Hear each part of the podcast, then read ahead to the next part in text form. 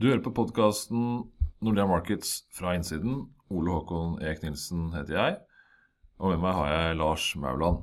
Eh, vi skal snakke litt mer om eh, denne ukens begivenheter, og de står jo bokstavelig talt i kø. Eh, det er klart det er valget som kanskje er den, det mest interessante. Men vi har også den situasjonen med covid-19 som vi skal komme litt inn på. Men aller først, Lars, det er faktisk også rentemøte i Norges Bank denne uken. Er det noe å, å, å tenke på? Det er et såkalt mellommøte. Pleier ikke å være veldig spennende. Dvs. Si det kommer ikke noen ny eh, analyse fra Norges Bank. Eh, skulle de kommet med en ny rentebane, så tenker vi at den kanskje er litt lavere.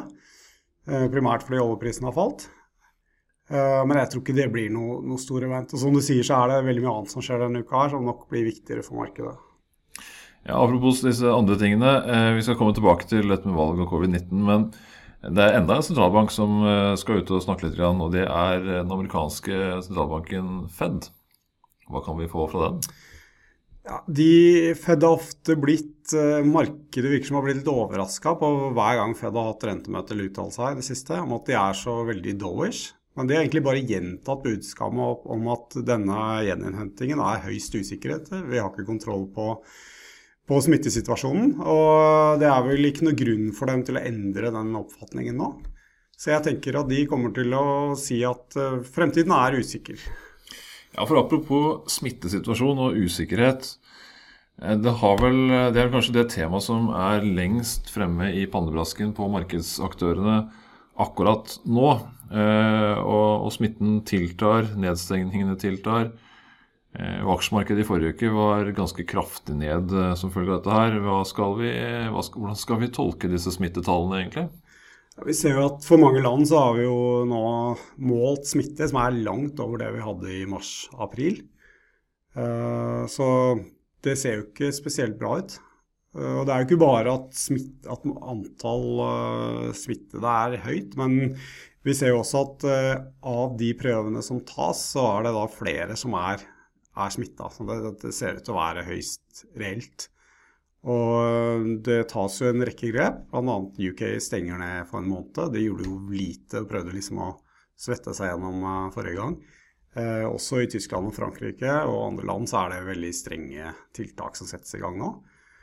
Og vi ser jo en ganske tett sammenheng mellom eh, tiltak og begrenset aktivitet. Altså det blir mindre aktivitet generelt. Folk må holde seg hjemme, folk ikke komme på jobb, folk ikke gå ut og handle, folk ikke gå på restaurant osv. osv. osv. Det, dette kommer vi nok til å se i, i, aktivitetstallene fremover, at det kommer til å bli dårligere etter en periode hvor det egentlig har hatt et ganske bra oppsving de fleste steder. Mm.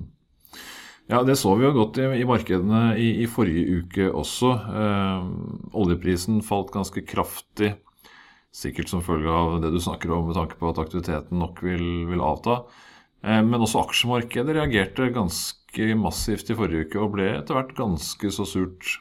Eh, hvor galt kan det gå denne gangen her, egentlig? Ja, si det. det jeg tror ikke markedet er like overraska, eller kommer til å bli like overraska som det var i mars. Da var det noe helt nytt. Vi visste ikke helt hva vi var, sto overfor.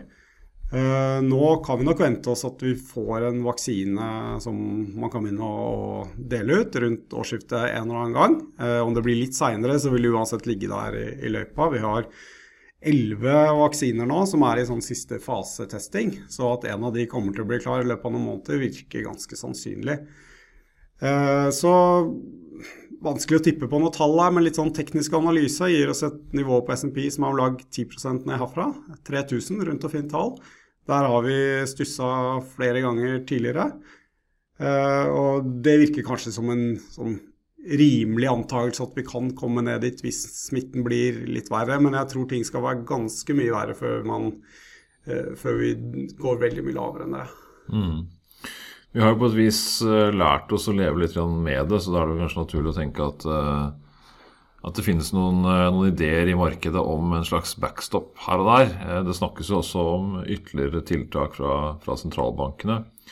Og Apropos sentralbank, det som skjedde i våres, var jo at vi til slutt fikk intervensjoner fra Norges Bank. Det gir vel også en viss form for begrensning for hvor svak kronekursen kan bli kanskje denne gangen. Men, men la oss si det skulle slå til det du snakker om med, S&P ned mot 3000. Hvor er, hvor er kronekursen enn da? Altså, det har vært en veldig sterk link mellom kronekurs og dollar norske i år. Som er nok litt sånn noe vi har snakket om før. Mekanisk link mellom valutasikring, oversikring og undersikring av utenlandske aksjeposisjoner og tvungne kjøp og salg av valuta. Så en, en dollar norske på 10 blank stemmer veldig godt med SMP på 3000. Altså 50 øre om lag eh, svakere herfra. For, for euroens del så får man litt kall det hjelp da, at euro-dollar euro også pleier å svekke seg når aksjer faller av. Så der tror vi bevegelsen blir, blir mye mindre, kanskje fra rundt dagens 11.15 til rundt 11.40. Uh, så størst bevegelse i dollar norske, tror jeg, på en, en aksjesvekkelse herfra. Mm. Skjønner. Uh det som er litt fascinerende nå, er jo ja, aksjer har gått, uh, gått ganske mye ned akkurat siste uken, da, riktignok.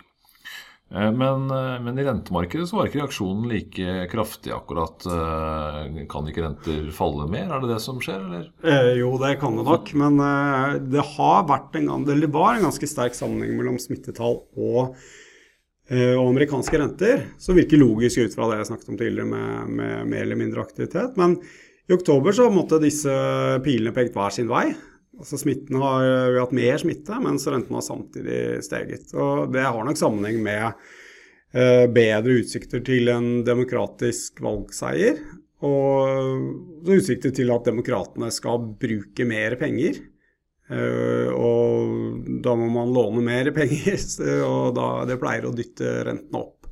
Samtidig som vekstutsiktene nok kanskje ser litt bedre ut uh, for økonomien som helhet, med demokraten ved roret. Ja, for det, eh, mens dette gapet har oppstått, så har vel egentlig også demokratene, og, kanskje særlig Biden, da, sine vinnersjanser tiltatt, i alle fall i disse bettingselskapene.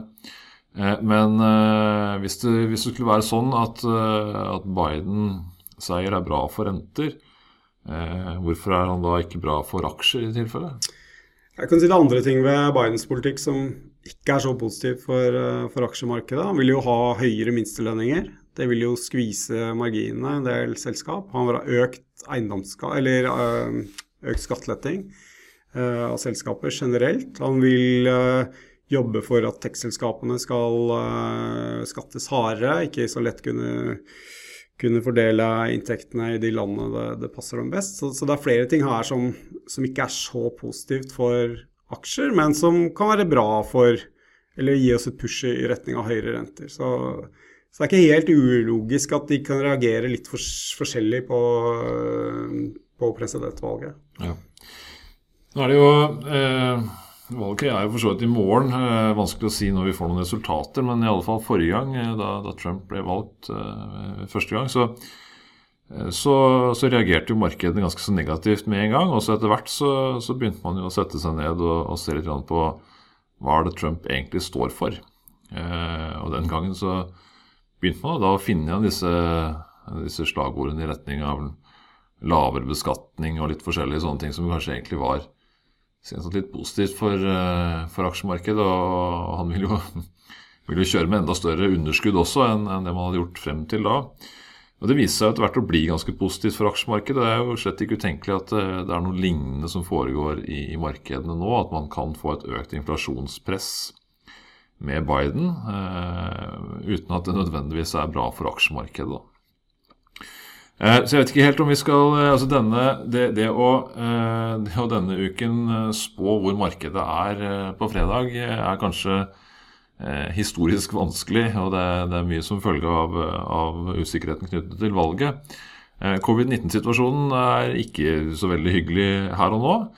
Men, men, utfallsrommet for denne uken er stort. Det er ikke takket være, ikke takket være sentralbankene. Men det kan jo hende at de blir løsningen dersom problemene skulle bli altfor store. Eh, så med det ønsker vi på, på gjenhør eh, med podkasten Nordea Markets fra innsiden.